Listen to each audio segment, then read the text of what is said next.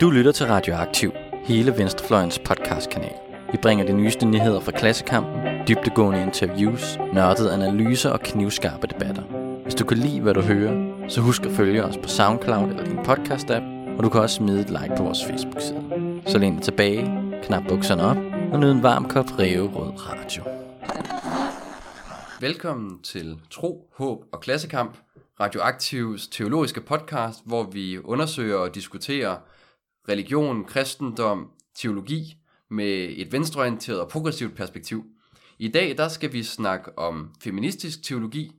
Vi står med den udfordring eller det forbehold, at vi er to hvide ciskønnede mænd, som nu skal prøve at tale om kvinder.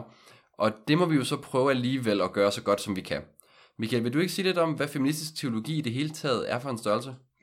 Jo, altså hvis vi snakker feministisk teologi, så kan vi groft opsummere det som et teologisk perspektiv, som netop tager kvindens levede synspunkt alvorligt.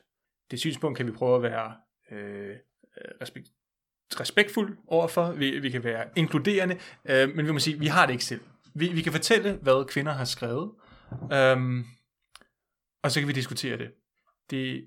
Vi er en lille smule begrænset i vores indsigt i feministisk teologi her, men vi prøver alligevel.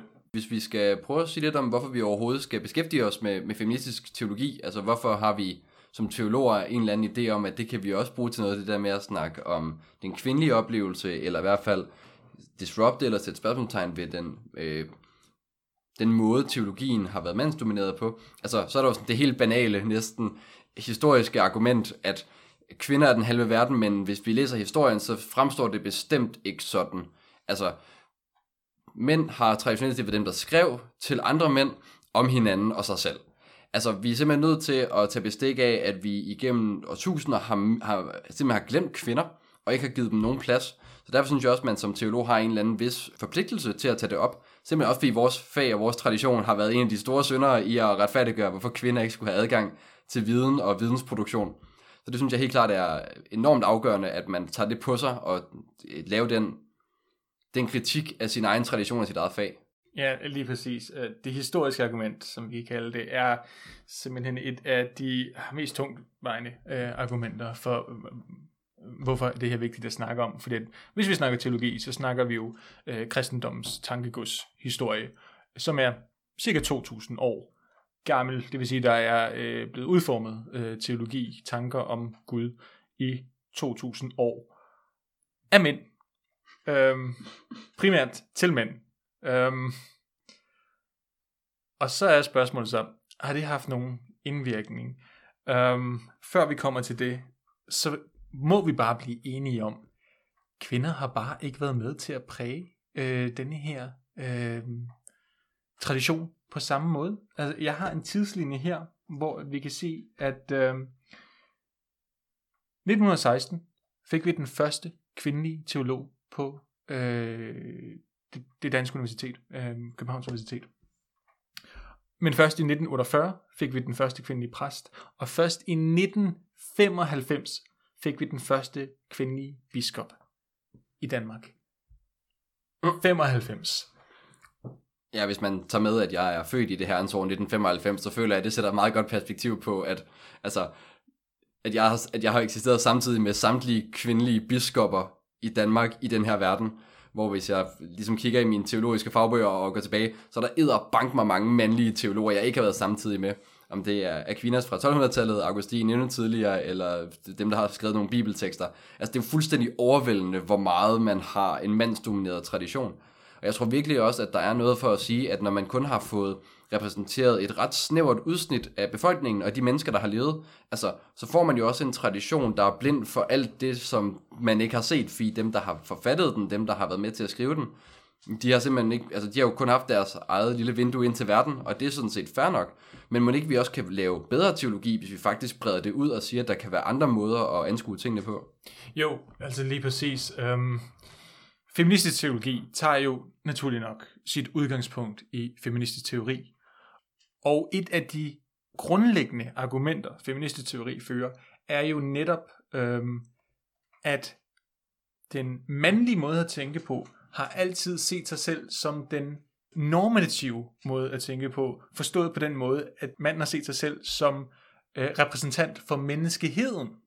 Så at det faktisk var lige meget, om man var mand eller kvinde, hvis bare man tænkte sig godt nok om, så kunne man komme frem til det rigtige øh, svar. Øh, om manden tænkte, eller om kvinden tænkte, øh, var sådan set irrelevant. Derfor var det altid manden, der tænkte. Det er egentlig et dårligt argument. Men, men sådan, sådan er øh, filosofi, øh, historien, traditionen. Øh, manden er menneskehedens repræsentant.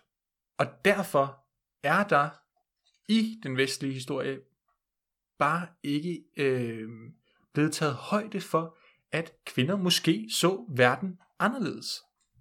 Ja, virkelig. Altså, jeg tror også, jeg har det sådan, at jeg dybt og oprigtigt mener, at feminismen er den største gave til teologien siden i hvert fald Martin Luther. Men det er virkelig, fordi jeg tror, det er mere noget som helst andet lærer en, at enhver ting i den her verden opleves af forskellige folk på forskellige måder. Altså hvis man vil gå alvorligt til de emner, teologien beskæftiger sig med, om det er gudsoplevelsen, eller det er Bibelen, det er filosofien, etikken, at så er der jo ikke nogen af de ting, der er så simple, at de bliver anskuet på en måde. Ligesom ikke noget i den her verden er så simpelt, at to mennesker er helt enige om, hvordan man skal forstå en, en given begivenhed. Hvad, hvad der ligesom er forskellige indgang til virkeligheden, er noget, som teologien historisk har været enormt dårligt til at tage med, som hele den vestlige tradition i det hele taget øh, mangler. Som du, som du siger, så har man haft en idé om, at der er et neutralt udgangspunkt, der har sagt det, der skal siges, på den måde, det skal siges, og så kan vi ligesom sætte punktum og sige slut færdig. Hvor feminisme bidrager mere end noget andet i min, i min optik med forståelsen af, at det er altid multipelt, vi kan forstå ting på forskellige måder, og at vi, hvis vi ikke er bevidst om vores eget udgangspunkt, så kommer vi til at importere nogle holdninger og nogle ideologiske idéer fra vores egne oplevelser og presse dem ned over de oplevelser, vi har.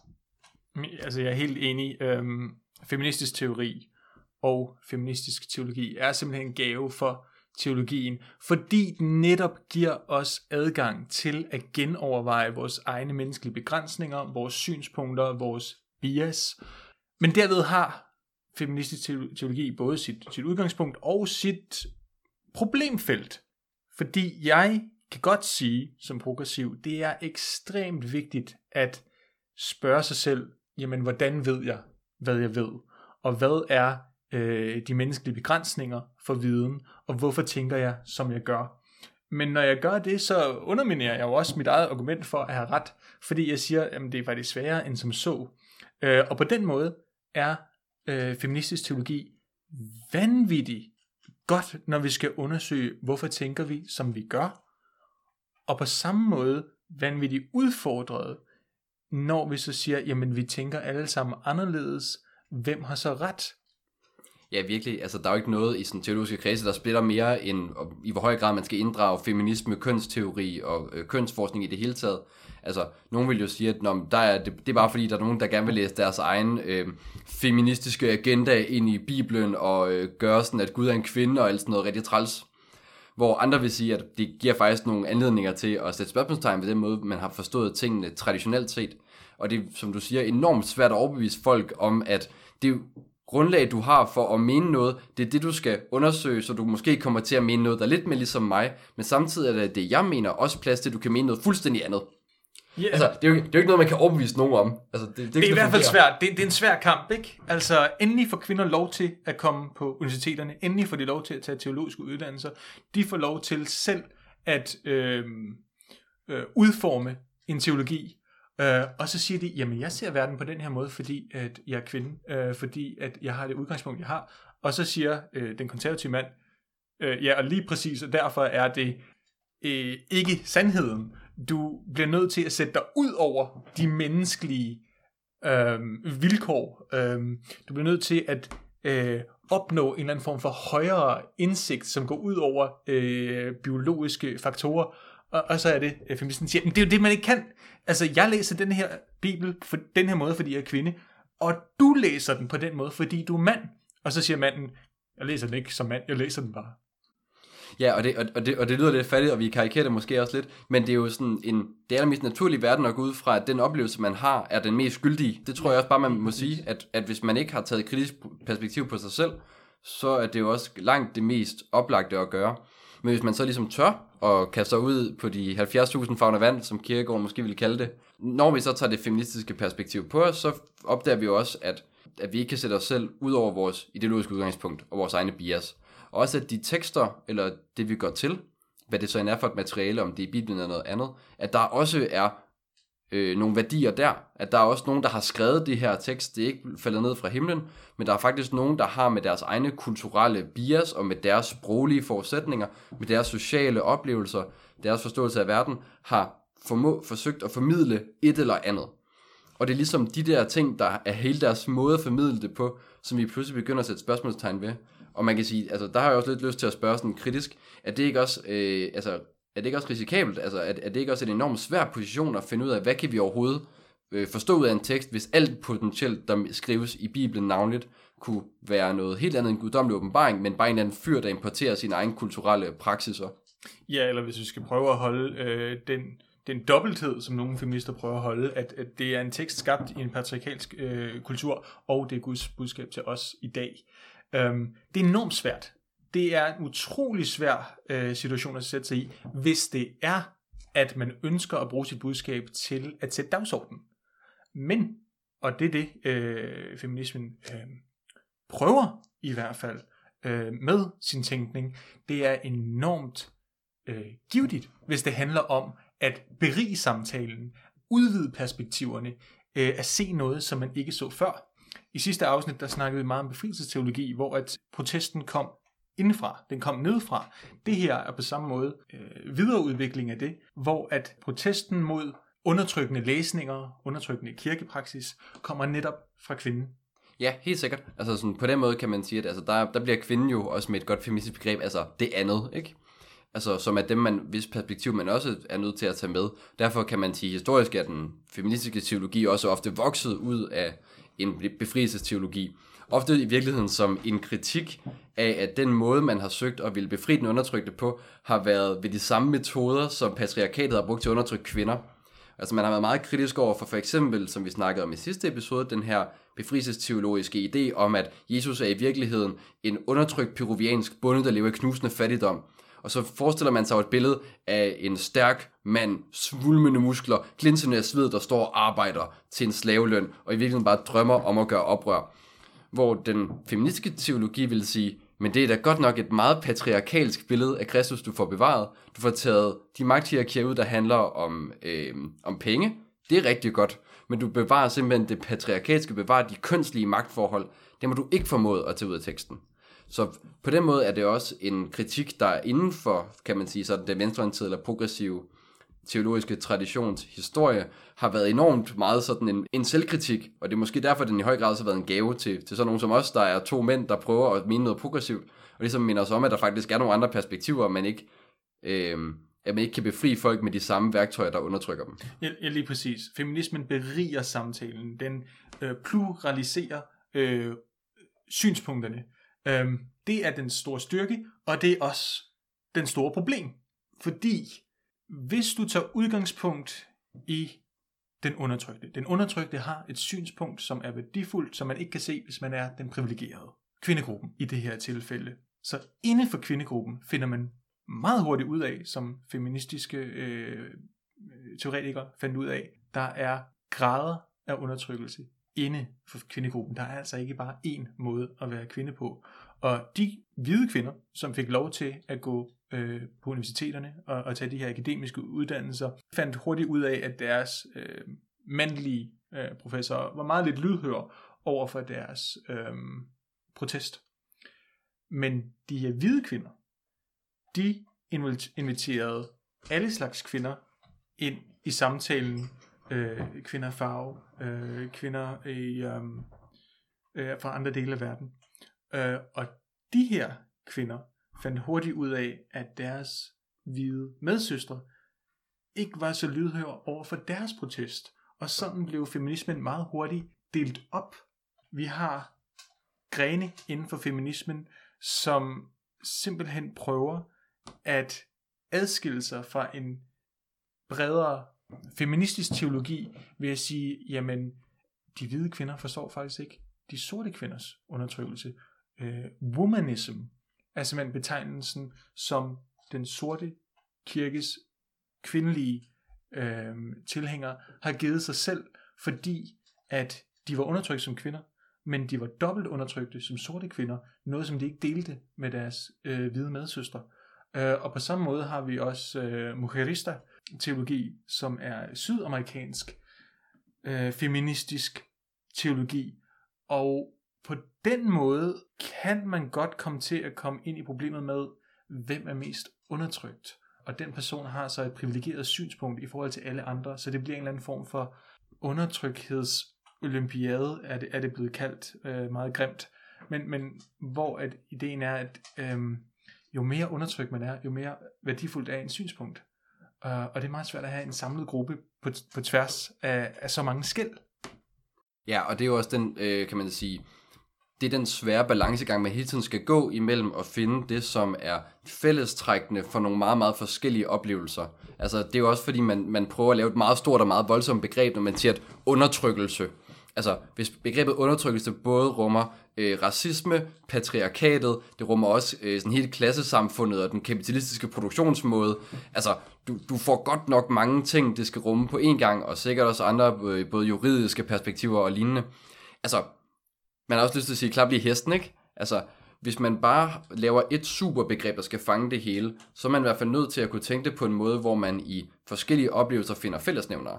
Og det, det tror jeg ligesom er sådan den, den, kan man sige, den konstruktive løsning. Så på den måde er feminismen sådan en, øh, bevæger sig hele, forgrener sig hele tiden ud og samler sig hele tiden lidt igen, ikke? altså forskellige oplevelser, forskellige grene, der teoretiserer og systematiserer den undertrykkelse, man oplever, og så nogle, der prøver at samle de tråde til at gøre noget konstruktivt. Og det er sådan en evig dynamik, øh, som også nogle gange lidt slås med sig selv øh, og kritiserer hinanden. Men det tror jeg egentlig, altså generelt, jeg synes, er noget af det, der gør, at sådan, den feministiske teoretiske udvikling er meget øh, sådan, frugtbar. Altså man er sgu ikke bange for, for det første at slås og skændes med hinanden, og man er heller ikke bleg for at indoptage perspektiver fra hinanden. Nej, lige præcis. Feminismen fungerer som en samlet gruppe, fordi det har den fællesnævner, at de tager udgangspunkt i kvindens levede oplevelse så er der så problemer med, at ikke alle kvinder har den samme oplevelse. Men det er et stærkt nok udgangspunkt til at forme en teori og en øh, gruppe bagved. Og netop derved, at vi tænker frem og tilbage, diskuterer, slås lidt, hvordan opretholder vi alle de her forskellige synspunkter, sørger for, at de alle sammen øh, får taletid, men sådan så ingen bliver øh, minoriteter i øh, et samfund, som er utrolig øh, hurtigt til at opdele hierarkisk. Det er virkelig interessant samtale at have. Ja, helt sikkert. Det, øhm, altså der, og, der, og der er jo meget at sige om den måde, som feministisk teori sådan bredt set har udviklet sig. Men skal vi, skal vi prøve at stille lidt skarpt på øh, splittelsen i feministisk teologi specifikt omkring spørgsmålet om, hvad skal man gøre med den der bibeltekst? Altså, man skal ikke have ret meget feministiske briller på, før man kan se, at der er godt nok nogle øh, problematiske passager, om det er øh, den måde kvinder bliver behandlet på i det hele taget, der vil få George Martin til at fremstå som en rent feministisk forkæmper, eller om det er de ting, der bliver sagt, kvinder ikke må tale i offentligheden osv. og så videre. Det tror jeg er noget, de allerfleste har sådan en, en forståelse af. Der er nogle ting i Bibelen omkring kvinders rettigheder og sådan noget, der ikke er super fede. Det skyldes nok, at den er skrevet i første århundrede. Men altså, så har feminister haft lidt forskellige tilgange til, hvad man skal prøve at gøre med den her tekst. Altså, der er jo nogen, der har sagt, øh, jeg er feministisk teolog.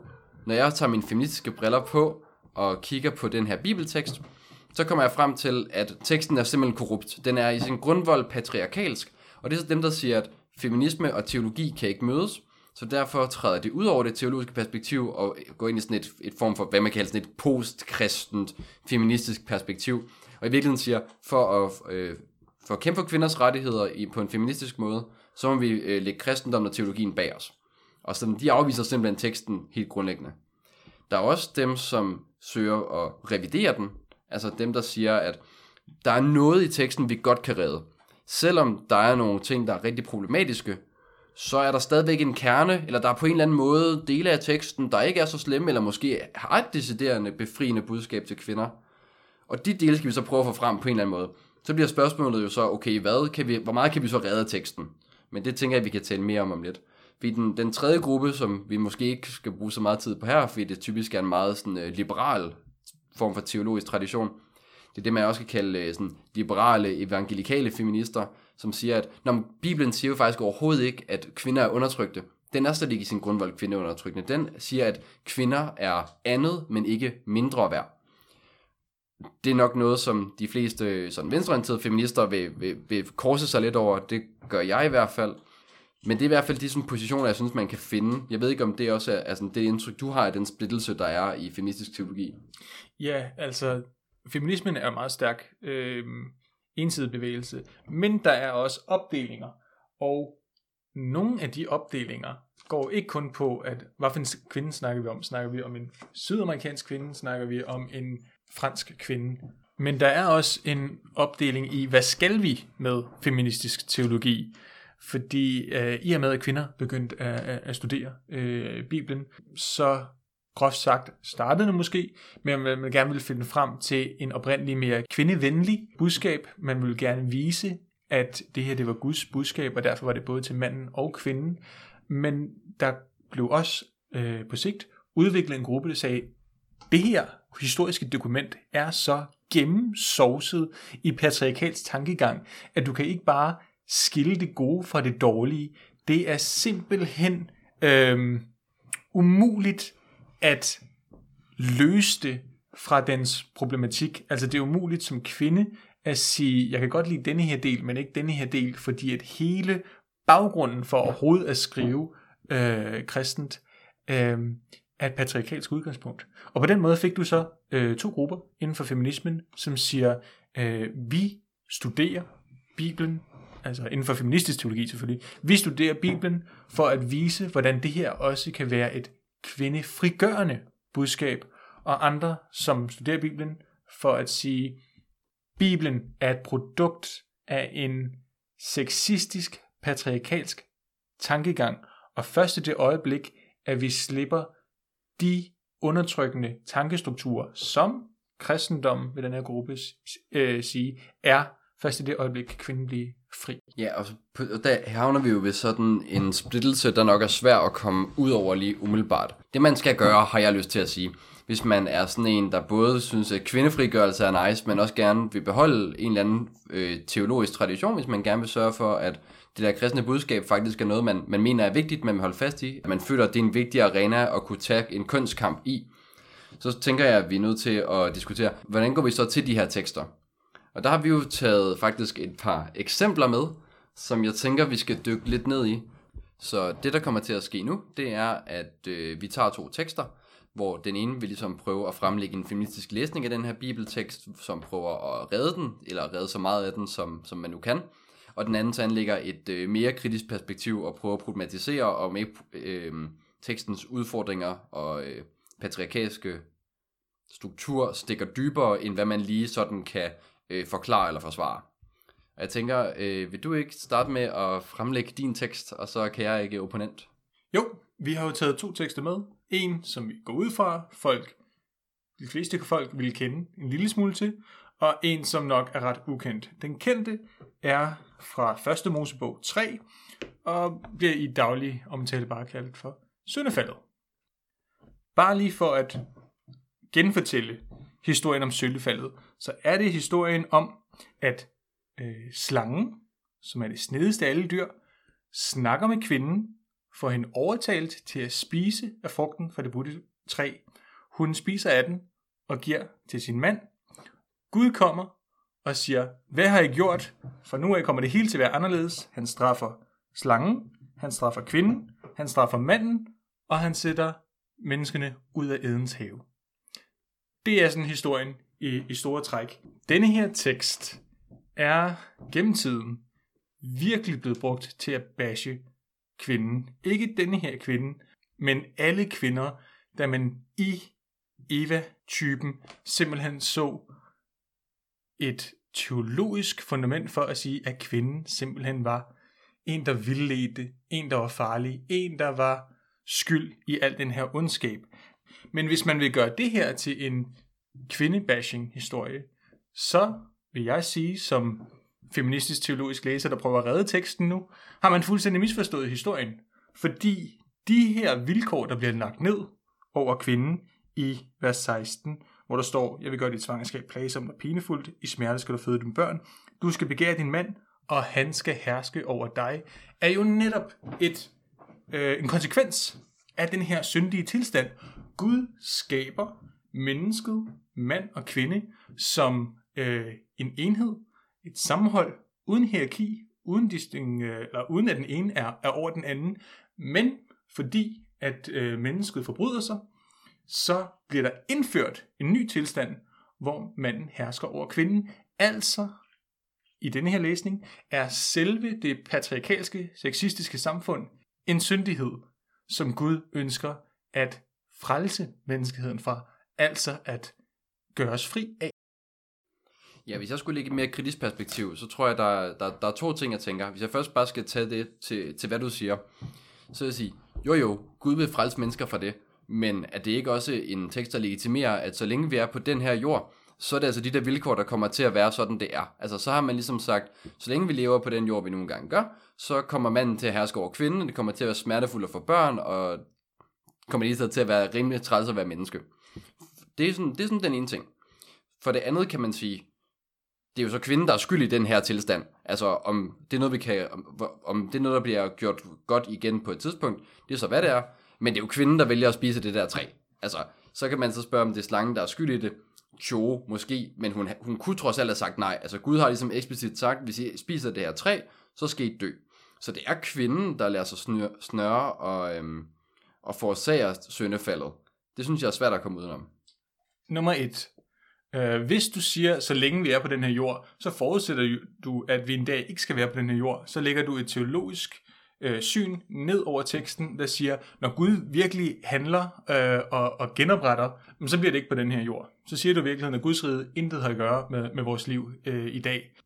Det vil være svært øh, at overbevise øh, mange læsere om. Denne her tilstand, det, jo, den handler om, at det er på jorden, men det er også netop der på jorden, at Gud handler og ønsker at gøre os fri af det. Du kan ikke legitimere den øh, sexistiske, patriarkalske dagsorden, hvor at manden er overhovedet ud fra den her tekst. Tværtimod. Nummer to. Nej, det er ikke kvinden, der er den, der øh, forleder. Det er slangen. Det er slangen, der er skyld i det. Jo, der er øh, større øh, diskussioner om, hvornår man er ansvarlig for sin handling. Men det interessante er, Gud straffer slangen som det første. Gud straffer kvinden. Gud straffer manden. Det er ikke kvinden, som finder på, at det her skal ske. Hun bliver snørret. Det gør manden også. De øh, lider begge to øh, under konsekvenserne. Men det er ikke kvinden, som øh, er den, der skal straffes alene. Og det er ikke kvinden, der står bag, at den her syndige tilstand øh, er kommet til. Det er slangen, som vildleder, og det er menneskene, som, øh, som handler, som de ikke skal. Ja, det synes jeg egentlig enormt godt illustrerer for det første, at man, hvad kan man sige, at hvis man vil have de her patriarkalske læsninger, der øh, legitimerer kvindeundertrykkelse, så er det som regel fint med at importere noget andet teologisk gods. Altså det er jo også, som, som du rigtig fint påpegede, hvis man skal føre den argumentation, at øh, det legitimerer de hierarkier, der er mellem mænd og kvinder i den her verden, så er man i hvert fald ikke befrielsesteolog. Altså så er man et sted, hvor man siger, at Nå, den her verden er alligevel bare en jammerdal, vi skal bare videre til den næste. Og det som har vi jo, synes jeg, afdækket meget fint i første afsnit, hvorfor det er en position med enormt store problemer, som jeg, ikke, som jeg ikke mener, man bør abonnere på. Jeg synes alligevel måske, man kan overveje, om, om man frikender kvinden for hurtigt. Altså, en ting er, at hun selv bliver snørret, men der er vel også et, et spørgsmål om, at hun så lokker sin mand i fordærv. Altså der tror jeg, en mere konservativt sindet læser vil jo sige, at det er jo en del af pointen, at kvinder har den her trælse forføriske magt over mænd. Og hvis nu bare var manden, som slangen havde fået fat i, hvis det var manden, der havde mulighed for at bruge sin, øh, sin store rationelle kapacitet til at tænke, om det nu egentlig var en særlig god idé at lytte til den her slange, der snakker lige pludselig. Altså, hvad er det så ikke undgået? Altså, er det ikke i virkeligheden måske, kunne man mene, en illustration af kvindens svaghed i den her øh, sammenhæng? Det ville være typisk, hvis det var en konservativ læser, der sagde, se selv, det, det er kvinden, der er svag. Men i denne her tekst kan man jo netop sige, at det er kvinden, som er fortaler for menneskeheden. Manden er der. Manden står lige ved siden af. Hun giver til sin mand, som står øh, ved siden af ham. Han er tavs. Han siger ikke noget. Det er kvinden, der har agens. Det er kvinden, som øh, går i rette øh, med slangen. Og det er kvinden, som er den handlende. Det her er et stærkt kvindebillede. Helt sikkert. Og særligt fordi man jo har en tendens til at have en forestilling om, at øh, hvis vi tænker på, hvornår den her tekst så end er skrevet, i hvert fald en gang før vores tidsregning, så øh, havde man en, et meget træls kvindesyn. Og der vil man sige, normalt, så vil det ikke i en, en senere græsk-romersk kontekst omkring første århundrede, der vil det overhovedet ikke være almindeligt, at kvinder førte deres eget ord. Altså, de vil altid skulle repræsenteres af en mand. Det er jo sådan, vi forestiller os, at antikke patriarkalske samfund fungerer. Så jeg tror, det er meget godt set, eller sådan noget helt rigtigt, at det er en meget besynderlig historie, at det er kvinden, der fører ordet. For det var ikke det, man skulle forvente at finde, egentlig. Altså, der ville man jo have forventet, at kvinden ligesom var et, var et påhæng. Og der er også, kan man sige, uden at skulle gå for dybt ned, der er også nogle sproglige ting, der antyder, at kvinden her ikke bliver præsenteret som underlegen. Så jeg synes, der er rigtig meget af det her, der afdækker et kvindebillede, der slet ikke er så, så træls, som man har en tendens til at tro, at folk var for et par tusind år siden. Ja, altså hvis jeg lige tager mine, øhm, skal vi kalde dem positive feministiske briller af, øh, og snakker øh, lidt mere nuanceret om teksten for øh, mod kvinden, så er der jo rigtig nok elementer, som siger, det her er et stærkt kvindebillede, men der er også andre ting, som altså er lidt svære at redde. For eksempel, øh, manden navngiver alle dyrene, og han navngiver kvinden. Øh, der er ingen, der navngiver manden. Vi kalder ham Adam, men det er faktisk et... Øh, øh, en leg med ordene. Det er, øh, øh på hebraisk er der øh, et ordspil mellem øh, A og jorden, og manden. Han, han er manden lavet af jord. Der er ikke nogen, der giver ham navn. Han giver navn til kvinden. Det er lidt sværere lige at, at gøre den, spænde den om til, til en positiv. Men jo, der er virkelig elementer øh, i det her kvindebillede, hvor man kan sige, det var ikke lige, hvad vi ville forvente i en stærk patriarkalsk øh, kultur, som, som de her tekster jo er blevet til i. Og så er der ting, som det her er præcis, hvad vi ville forvente. Ja, præcis. Ikke? Og det er jo også hele den her med, altså sådan, det synes jeg det er meget godt, den diskussion, vi har nu, afspejler øh, den problematik, man går ind i og siger, der er nogle ting, hvor vi jo siger, det kan vi nok godt sige, der er en, altså sådan noget skabelsesmytologi her, som i udgangspunktet har nogle patriarkalske træk. Og så kan vi godt sige, fred være med det, fordi udover det, som vi klart skulle forvente at finde, også hvis vi kigger til alle mulige andre skabelsesmyter, så skulle det være helt tydeligt, at vi fandt en masse patriarkalsk ideologi. Det gør vi, men vi finder faktisk også nogle ting, der er overraskende og meget mere progressive på kvindens vegne, end vi havde forventet. Det synes jeg meget godt illustrerer den måde, man som feminister vil prøve at gå til de her tekster egentlig typisk ved arbejde. Lige præcis, og så er spørgsmålet så, er det nok at bare have den mindst undertrykkende skabelsesmyte, øh, eller hvis man virkelig skal sige, at kristendommen formår at sætte kvinden fri, så skal det altså være lidt mere end det. Men nu har vi kigget på en tekst, som de fleste på en eller anden måde kender. Lad os prøve at kigge på en anden tekst, som du introducerer, Tom, hvor at vi så lige vender den rundt, hvor at øh, du vil prøve at redde det, der er i teksten, og jeg vil prøve at sige, jamen det her, det kan ikke reddes. Ja, jamen øh, det vil jeg da meget gerne. Det er en tekst, vi finder i Markus evangeliet kapitel 7, vers 24-30, det der ligesom sker, det er, at øh, Jesus han er gået lidt for sig selv. Han er taget på en gåtur for at få noget privatliv fra sine disciple og være alene. Og mens han er der, så kommer der en kvinde, der har hørt om ham, og øh, har hørt, at han øh, kan helbrede folk, han kan uddrive dæmoner. Og vi får ganske atypisk at vide, at den her kvinde er af syrisk-fynikisk herkomst. Altså hun er ikke jøde, hun er en fremmed, hun er derfor, kan man sige, hierarkisk under ham, men alligevel så drister hun sig til at gå op og sige til ham, vil du ikke godt lige helbrede min datter? Hun bønfalder ham faktisk om det, og han svarer så øhm, rimelig ubehageligt i forhold til, hvordan Jesus ellers normalt taler til folk, ved at, ved at sige, altså, du vil da ikke tage børnenes brød og give dem til de små hunde? Og hun svarer så ham, jo jo, nej nej, det vil jeg slet ikke, men er vi ikke enige om, at når børnene spiser deres brød, så øh, falder der jo krummer ned, som hundene godt må få noget af. Og Jesus svarer så, fordi du sagde, som du gjorde, så vil jeg gerne helbrede din datter. Det er en ret mærkelig tekst. Der er nogen, der har spekuleret om, hvorvidt den, fordi den er så underlig, simpelthen er med i Bibelen, fordi der er nogen, der øh, ved, det er en oprindelig overlevering. Måske er det en, et tilfælde, hvor Jesus for en gang skyld ikke er så forfærdelig medfølende. Og man kan sige, at det, der ligesom er på spil i teksten, det er det her metafor, metaforiske debat, de har. Hvor Jesus siger, at jeg er kommet til jøderne, det er, det børnene er billedet på, og skal først ligesom befri dem, eller frelse dem, eller hvad det nu er meningen, han skal gøre. Og bagefter, så kan man jo så måske kigge på de andre. Men hans pointe er, jeg er kommet til jøderne, du er ikke jøde, så det er ikke dig, jeg skal hjælpe. Og hun, siger, og, og hun svarer så i samme metaforik ved at sige, men når du nu alligevel er i gang med at hjælpe nogen, kan der så ikke godt falde et par krummer af til mig. Det er trods alt kun min datter, jeg beder om at blive helbredt. Det, der er lidt spe- spe- specielt ved den her tekst, det er øh, igen i virkeligheden ligesom i første Mosebog, det faktum, at der her er en kvinde, der ikke engang er jøde, der taler til en jødisk mand af fin herkomst, det er meget usædvanligt.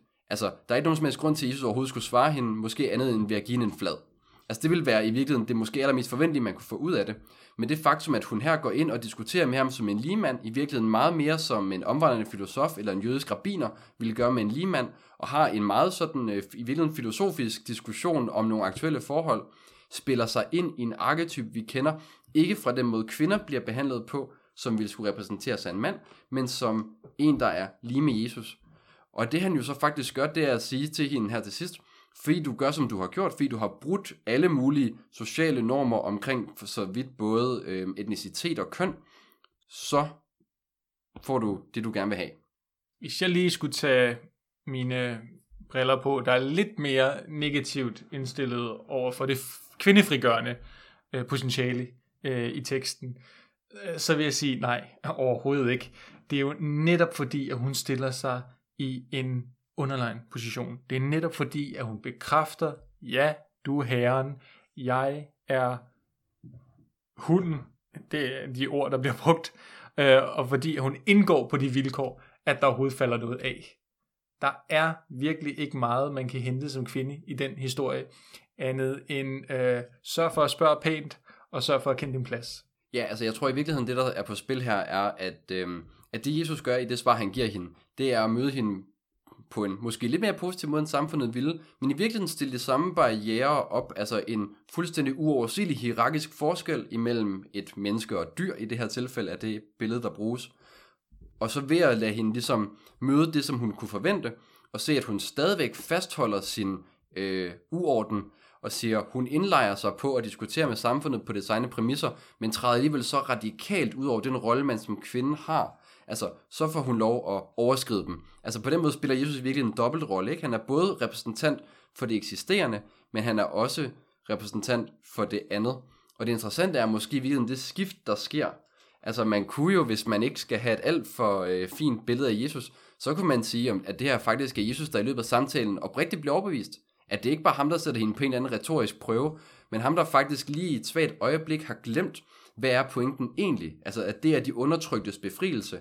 At kvinden her minder ham om, at det er de undertryktes egen stemme, der skal have lov at komme til ord. Altså, hun indgår på de vilkår, hun har mulighed for, ved at acceptere en hierarkisk forskel, men dog ved at sige, at ud fra den lidelse og det problem, hun har i sit liv, så er hun nødt til også at overskride det i en eller anden grad. Altså hun går i virkeligheden en meget elegant bevægelse imellem noget, hun absolut ikke kan, men på nogle præmisser, der giver mening i konteksten. Jeg vil give dig, at hvis man læser denne her tekst på de præmisser, der er givet øh, i forhold til, hvornår den er skrevet, jo, så er det ikke lige så slemt, som vi kunne forvente det. Der er en eller anden form for en lille positiv øh, portræring øh, af kvinden. En lille. Men vi lever ikke i den tid. Vi lever i dag. Og hvis vi tog den tekst som Guds budskab til os, så vil vi ende på det niveau. Og det er bare ikke godt nok. Så kan man så sige, at i den tekst bliver der startet en bevægelse, en retning imod noget, men vi skulle mange gange den bevægelse i sådan en grad, at vi netop skulle bevæge os ud over teksten, at vi netop ender i en postkristen eller ikke kristen videre kontekst, fordi vi kan bruge teksten som et trinbræt i kvindefrigørelsen, men det kan altså ikke holdes op foran os, øh, som det her er øh, den måde, Gud ønsker at se forholdet mellem mand og kvinde. Det dur bare ikke. Jeg tror, jeg er enig for så vidt, at teksten i sig selv, der er den ikke et ideelt billede på, hvordan forholdet mellem mand og kvinde skal være. Så meget vil jeg give dig. Jeg vil sige, jeg, øhm, jeg tror, jeg er uenig i den fremstilling af den græsk-romerske antiks syn på kvinder, for jeg har lyst til at sige, at altså, hun gør noget, hun absolut ikke kan. Kvinder på det her tidspunkt har ikke juridisk ligestilling. Altså hvis vi tænker, at det her det er en diskussion i sådan et retslig kontekst, som en, en form for retssag, eller sådan, altså, så kan kvinden ikke engang repræsentere sig selv. Hun skal repræsenteres af sin far, eller sin mand, eller sin søn. Hun er ikke overhovedet tilladt at tale til ham i den kontekst, hun står. Så man kan sige, hvis vi tager den lidt længere ud øh, og siger, at teksten her er et, et, et, et, en bredere allegori for, hvordan kvinder skal gå til verden, og sige, nogle gange er der faktisk ting i livet, der nødvendigt gør, at man sætter sig ud over de muligheder og de rammer, der er i samfundet, og gør noget, der er et radikalt brud. For jeg mener, det er et enormt radikalt brud med den øh, retsstand, kvinder har i samfundet på det her tidspunkt. Overhovedet kunne indgå i en diskussion med en, der både kønsligt øh, og, kan man sige, i forhold til etnicitet, er hende meget, meget overlegen. Hun bryder simpelthen med alle regler, både øh, jødiske regler omkring forholdet mellem øh, jøder og andre folk. Hun bryder med øh, jødiske såvel som græskromerske regler omkring forholdet mellem køn.